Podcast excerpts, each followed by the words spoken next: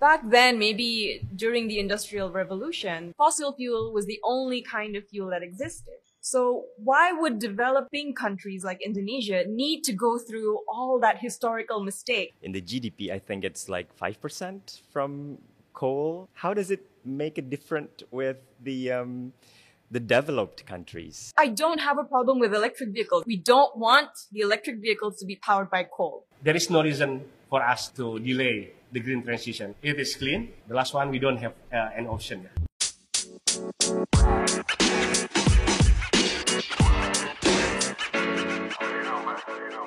Hi, how are you?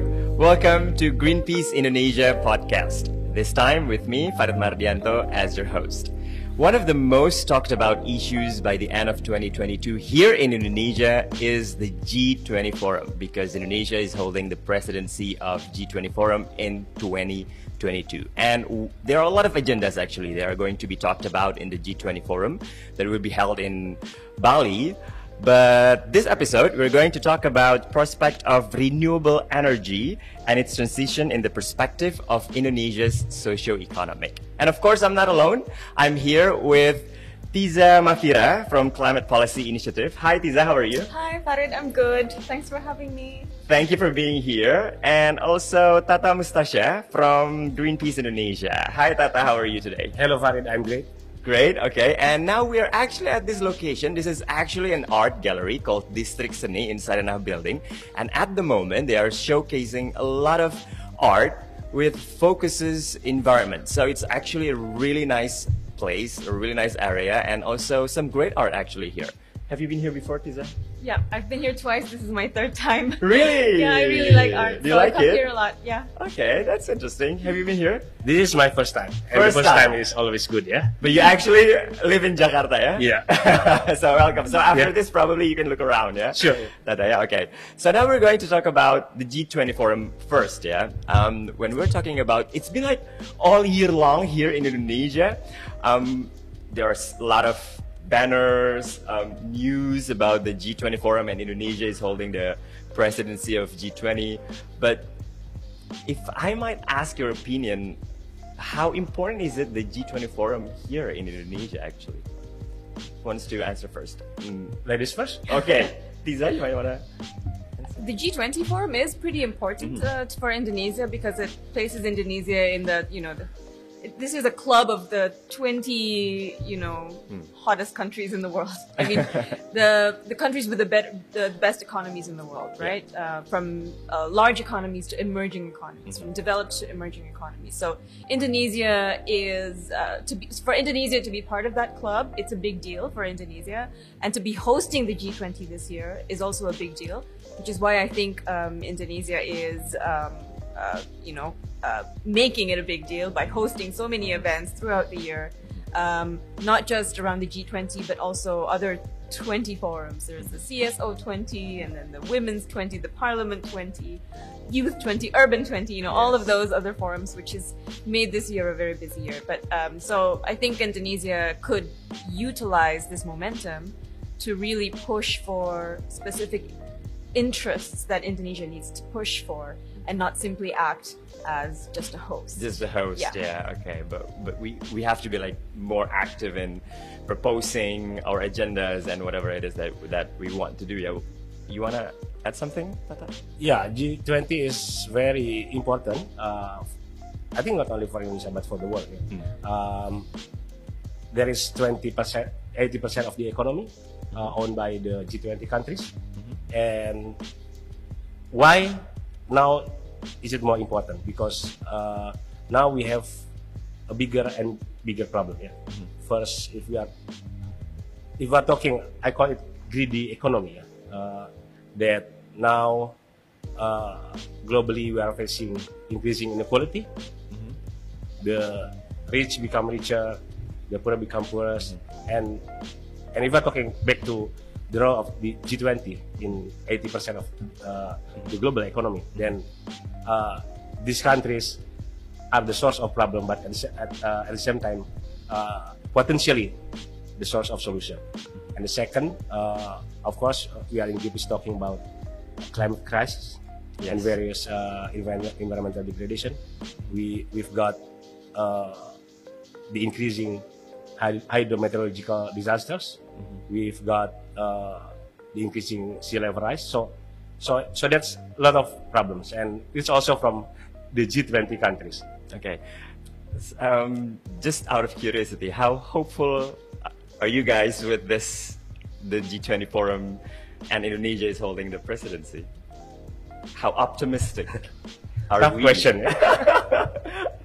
Well, there's so many topics and themes being discussed, but uh, if we focus on climate um, and uh, energy transitions, um, which is a particular focus for Climate Policy Initiative, um, there are a number of exciting developments um, that we are anticipating will be announced at the G20 Leaders Summit um, mid-November, um, and we're all, you know, waiting to see what those announcements will be. Uh, we have an idea of uh, the themes, the general themes around uh, Indonesia wanting to have uh, accelerated coal decommissioning projects if there's funding for it, um, but we don't know the details of it. And so, am I optimistic or pessimistic? Well, I'm waiting and seeing. Okay, Yeah. because November is coming really soon, yeah? Yeah. Okay, what about you, Tata? For me, yeah, especially if we are talking about the agenda of uh, energy transition, that is one of the three pillars of Indonesia's presidency. I think uh, it's not about pessimistic or optimistic, but Okay. uh, yeah, we have to we have to push this agenda because as I, as I mentioned, there is now it is uh, more visible that we don't have option. yet. Uh, the price of climate crisis is too high for us, and I I say that the source of the problem is G20, and of course, if we're talking about solution, it should come from from G20, and we we don't have time uh, anymore. Yes. compared to let's say uh, two or three years ago. And when if we're talking about climate crisis, I mean it's happening all over the world, right? Including in Indonesia. In Indonesia, I think one of the easiest thing that we see is that we don't know when the rainy season comes and then the dry season comes. And it also it definitely is impacting the crops and then also the sea the fishes and that's that's actually where we live from. And like the people the farmers and also um, the fishermen. Now when we're talking about climate risks and the transition to a low carbon economy how do you think it's going to work out in the future you know the climate risks or the climate crisis that we're already feeling now is a stark reminder that if we don't do drastic action very soon this is only going to get worse so we're already in the middle of unprecedented extreme weather um, where floods are becoming more frequent, where uh, droughts are becoming more frequent, and we can't rely on normal cycles of weather. Um, this is even affecting my home, for example, uh, that's been flooded, okay um, and it's affecting the food crops, as you mentioned before. What I think people should understand is that this is absolutely because of climate change. And this is absolutely going to get worse, more frequent in the future if we don't do drastic action quick. Um, one of the things that I'm hoping for is that climate risk that we already see, we can already experience, we can already quantify, should actually be factored into all of the policy making decisions, all of the financial decisions that are being made by companies, by governments, mm. because this is an actual cost. You know, mm. this is money mm. that is being spent because of crops that have failed, because of you know buildings that have fallen due to landslides and, and tornadoes. This is an actual cost. If we don't factor in these fin- these costs into financial decisions, into whatever, like approving a bank approving a project, for example, a bank approving a loan for a project, something really day to day, right? Yeah. But they need to start factoring in is this project going to contribute to these physical climate risks or not? That's what they need to start doing. Um, policy making is the same because then we would be mainstreaming, right, all of these uh, costs into all of the decisions that we're making. Uh, and then we'll start seeing drastic change. Otherwise, you know, I think um, we're going to be moving too slow. Okay, so we're talking about like transition to a green economy, but does anyone here want to explain what is actually a green economy for for people who probably like what is actually green economy and how different is it the green economy with the economy the, the economy system that we are actually doing now? Yeah, uh, the green economy actually is quite simple. I mean, in in terms of terminology, but yeah, there's there's a challenge uh, uh, how we can implement it. The first is low carbon economy. So, for instance, we shift from fossil fuels, especially coal, to clean and renewable energy. The second one is uh, efficient use of resources. It means it's it's different. It's really different with with the current economy and and also the past economy. And the last one is about social. It's it is uh, inclusive. So it is more distributive. It is very different with with uh, current situation that let's say one percent uh, own twenty five percent of uh, country's income. So so we need to change, and I think my point is we need to accelerate uh, the change uh, through the green economy. And what we have to do is the first, uh, if we are talking uh, in relation with G20, is mm-hmm. we need to accelerate global efforts yeah, because uh, like climate crisis is a, a, global thing. One country or several countries can cannot solve it if it's not solved globally. So I think. Okay global efforts need, need to be accelerated, accelerated to to to address the issue of climate crisis, the issue of uh, various in, in environmental degradation, and also um, I think including in this is uh, the issue of inequality. Okay, so it's basically a collective issue, and also that's why we need to solve this thing together. But I believe each country has different problems, right? Now we're looking at it from Indonesian perspective, right? And we're talking about transition to green economy. How does Indonesia, how can Indonesia start? Indonesia as one country before we go with the G20? Well, Indonesia is a developing country. Okay. It's still in the category of a developing mm-hmm. country. And a lot of times when we observe developing country positions, especially in international forums like uh, the COP, uh, uh, the Conference of the Parties of the UNFCCC, often their position is listen, you guys, industrialized countries, have made so much more emissions than we have because okay. you've industrialized earlier. Mm-hmm. Um, and if we look at the history of you know civilization, uh, the bulk of emissions comes from the industrialized countries because they've just simply they've emitted earlier than developing countries. But then that fact is then used by developing countries to say you have to pay us Otherwise, we're not going to do anything, right? You have to pay us. Otherwise, we're only going to do this much, not this much. Um, and I feel like that is not the right approach because developing countries are actually in a situation now where we can leapfrog all of that historical mistake. You know, back then, maybe during the Industrial Revolution, fossil fuel was the only kind of fuel that existed, right? And now, renewable energy is becoming efficient, it's becoming affordable, it's becoming large scale.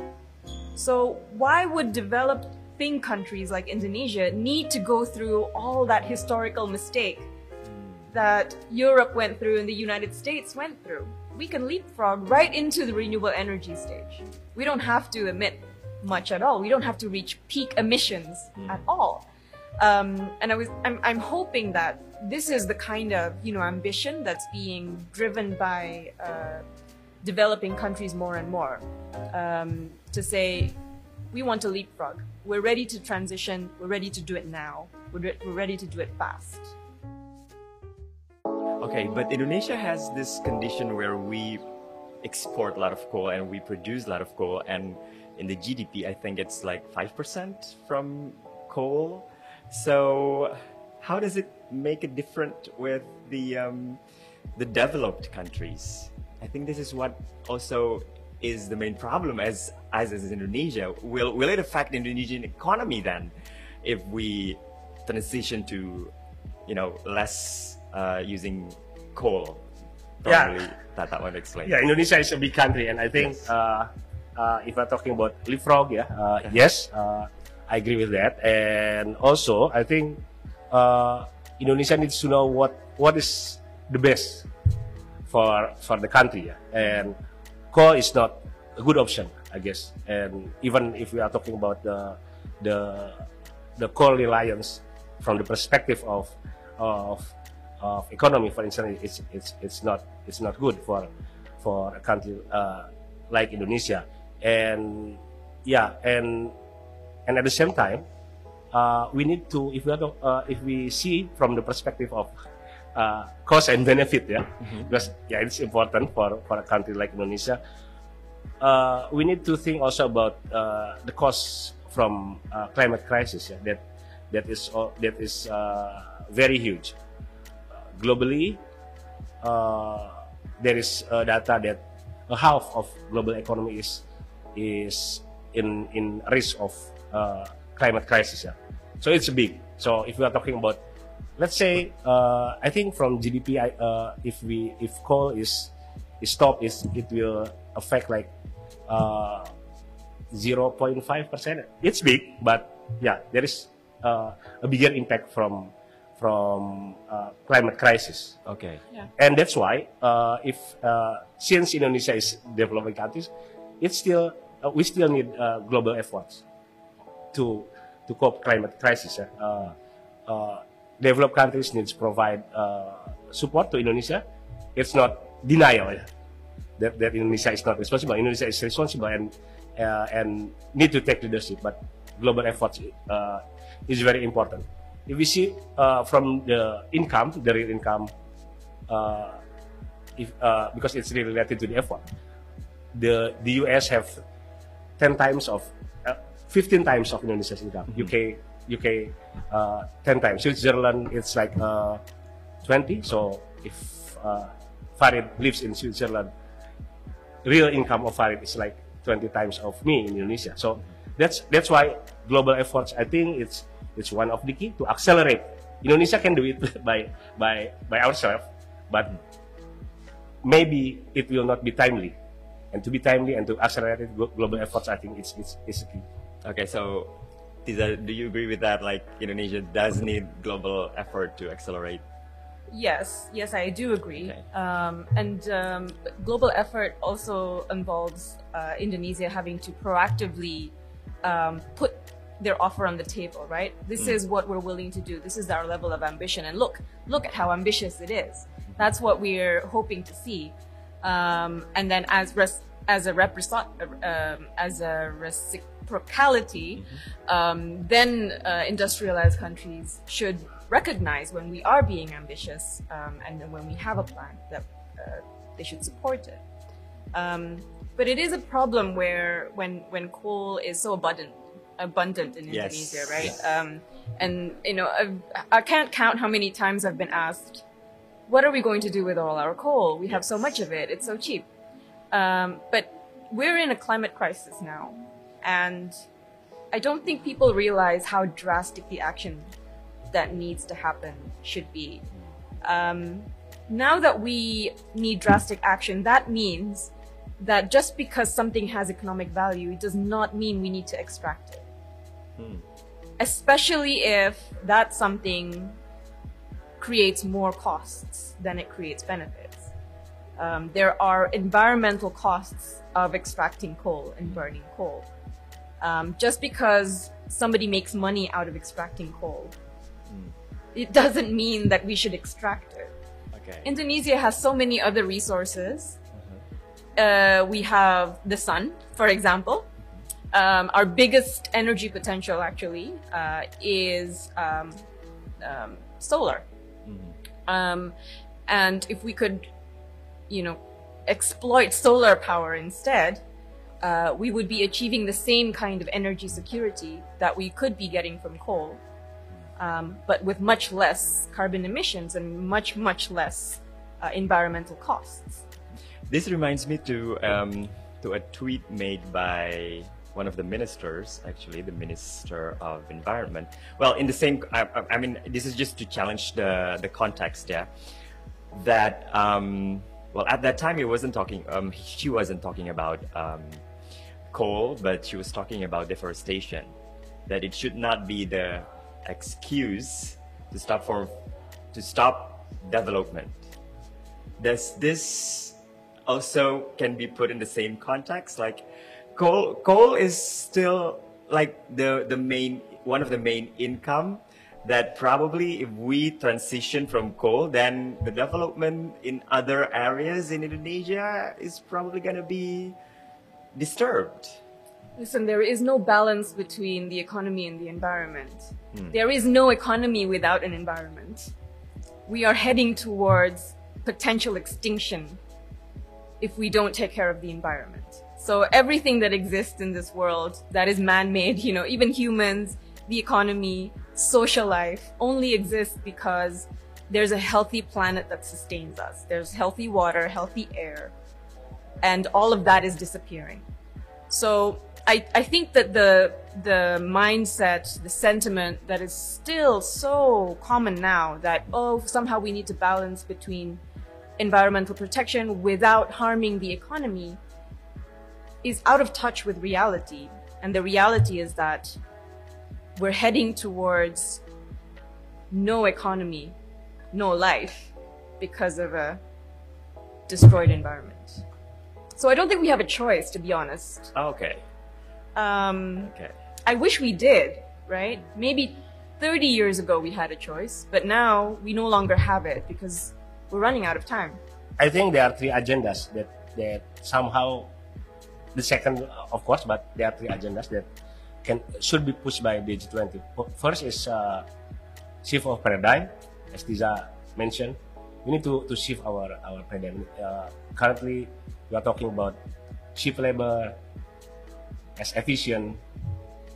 We repeatedly say that if we ignore the environment, it is efficient. I think we need to we need to change. Yeah. Uh, uh, we need to change our mindset that and paradigm that uh, we need to achieve growth at all costs. Yeah.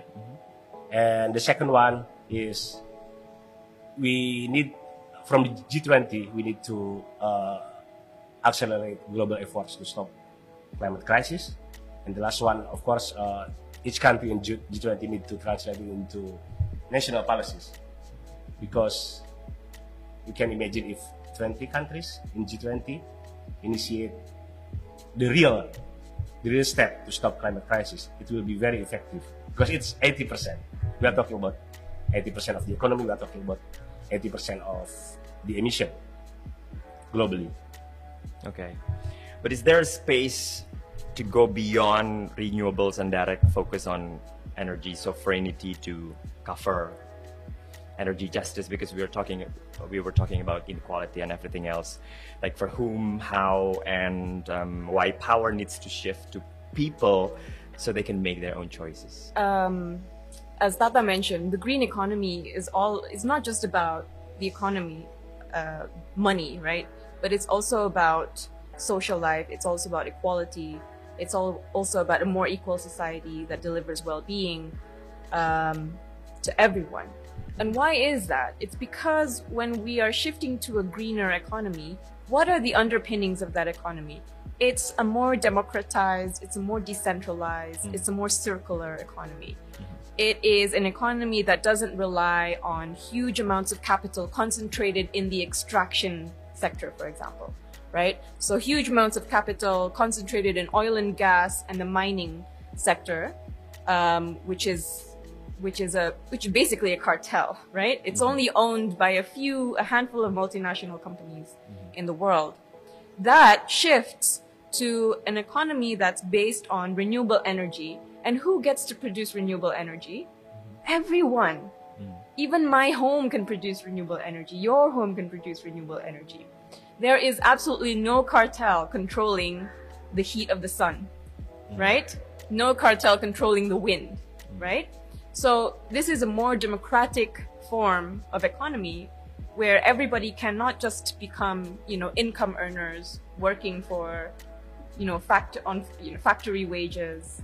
Um, but everybody can become producers in their own right, producing energy, maybe producing crops, producing their own food in the journey to becoming a more green and more resilient.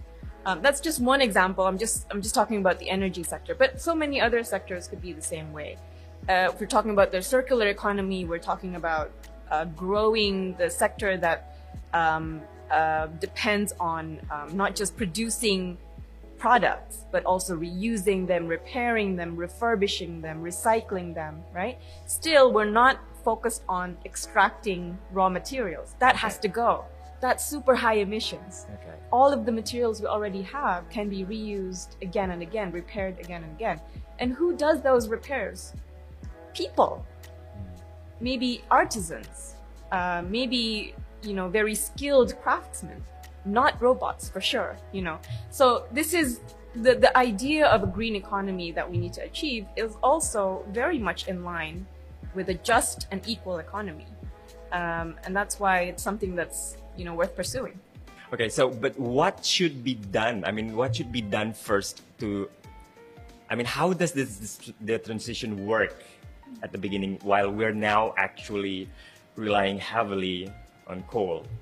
let's let's talk about Indonesia. Yeah. I think uh, what we what we need to have first is political commitment because energy transition is a big deal. Okay. And that's uh, that's absent uh, absent now uh, from from our uh, policy making. So Okay. political com- commitment.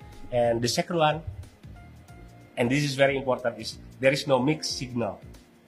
What is uh, what is said, I, I really agree. No mixed signal because now uh, key policymakers in Indonesia already agree that we need to phase out coal, we need to shift to renewable, but it is not ambitious yet. So because they provide mixed, they, they until now provide mixed signal they want to get money from coal until it's exhausted. But at the same time uh, uh, they want to shift to, to renewable. We need very clear signal that uh, we stop coal. We have uh, coal, uh, power plant early retirement and we shift to to renewable renewable. And by doing so we will, we, will, we can uh, really accelerate our energy transition. What is that one of the is, is one of was one of the signals that you mentioned actually was when um, the president actually said that um, transforming into um, electricity vehicles as well.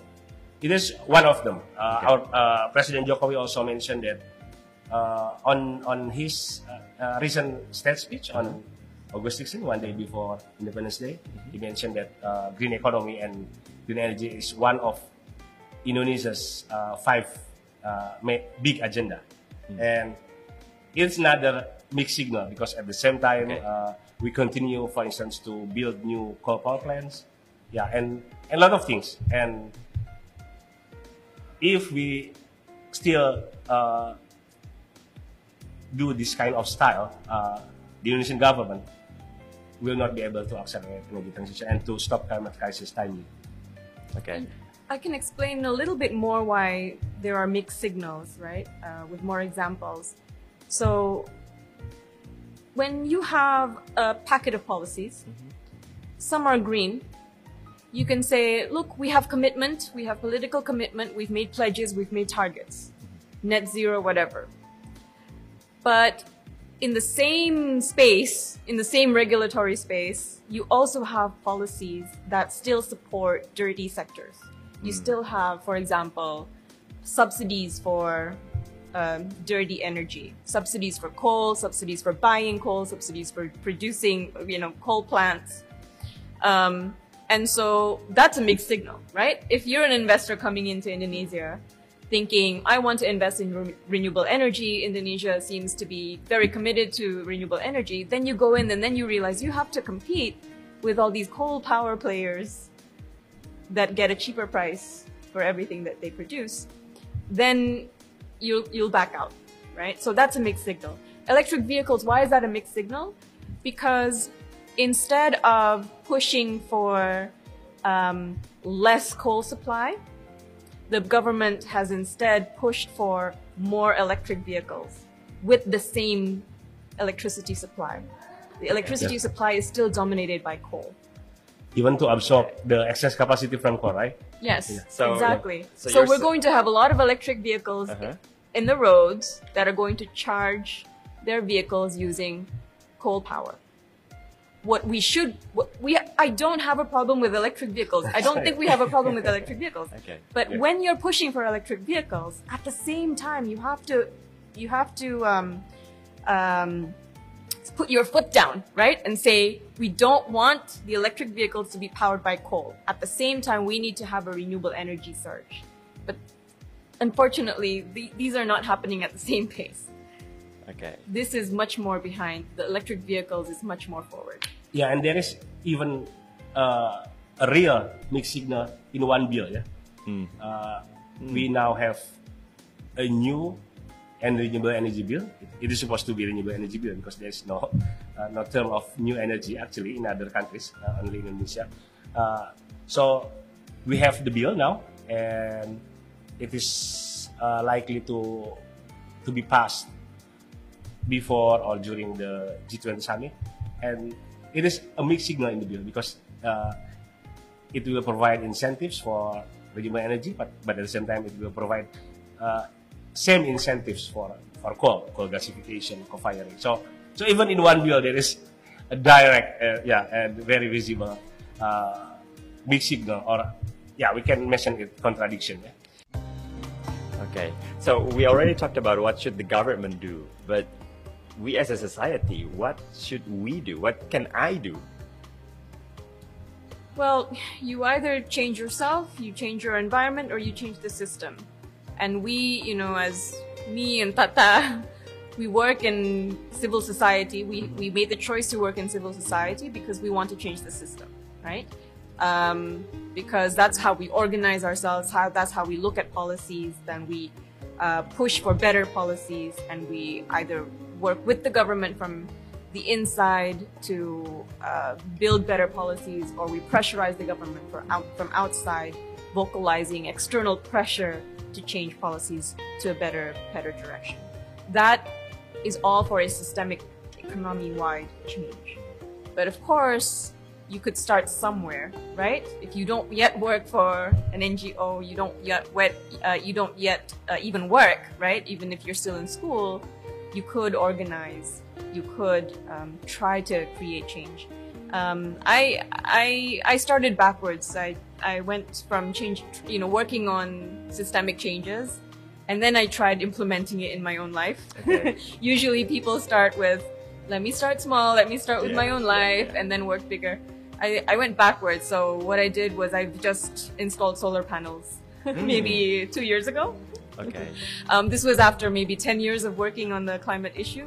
Um, not my fault because uh, the policy has just become kind of, you know, I wanted to test the, yeah, the even more difficult now. Now it's more difficult. Two years ago it was easier. It's we, you can talk about now. that. Yeah. Yeah. Why? because of uh, some of the new regulations. Uh, for instance, uh, I just installed it like three months ago, and Okay. yeah, and it works now, but it is somehow long, complicated, and the I think the most important thing is uh, now we are only allowed to have like 15 percent, 50 percent of uh, our electricity from uh, from from solar. I mean from our solar rooftop, our own solar rooftop, uh, compared to the, the the total installing capacity in our house. So it's it's, it's very small. So. Uh, so, so it really provides these incentives for for people to to initiate something.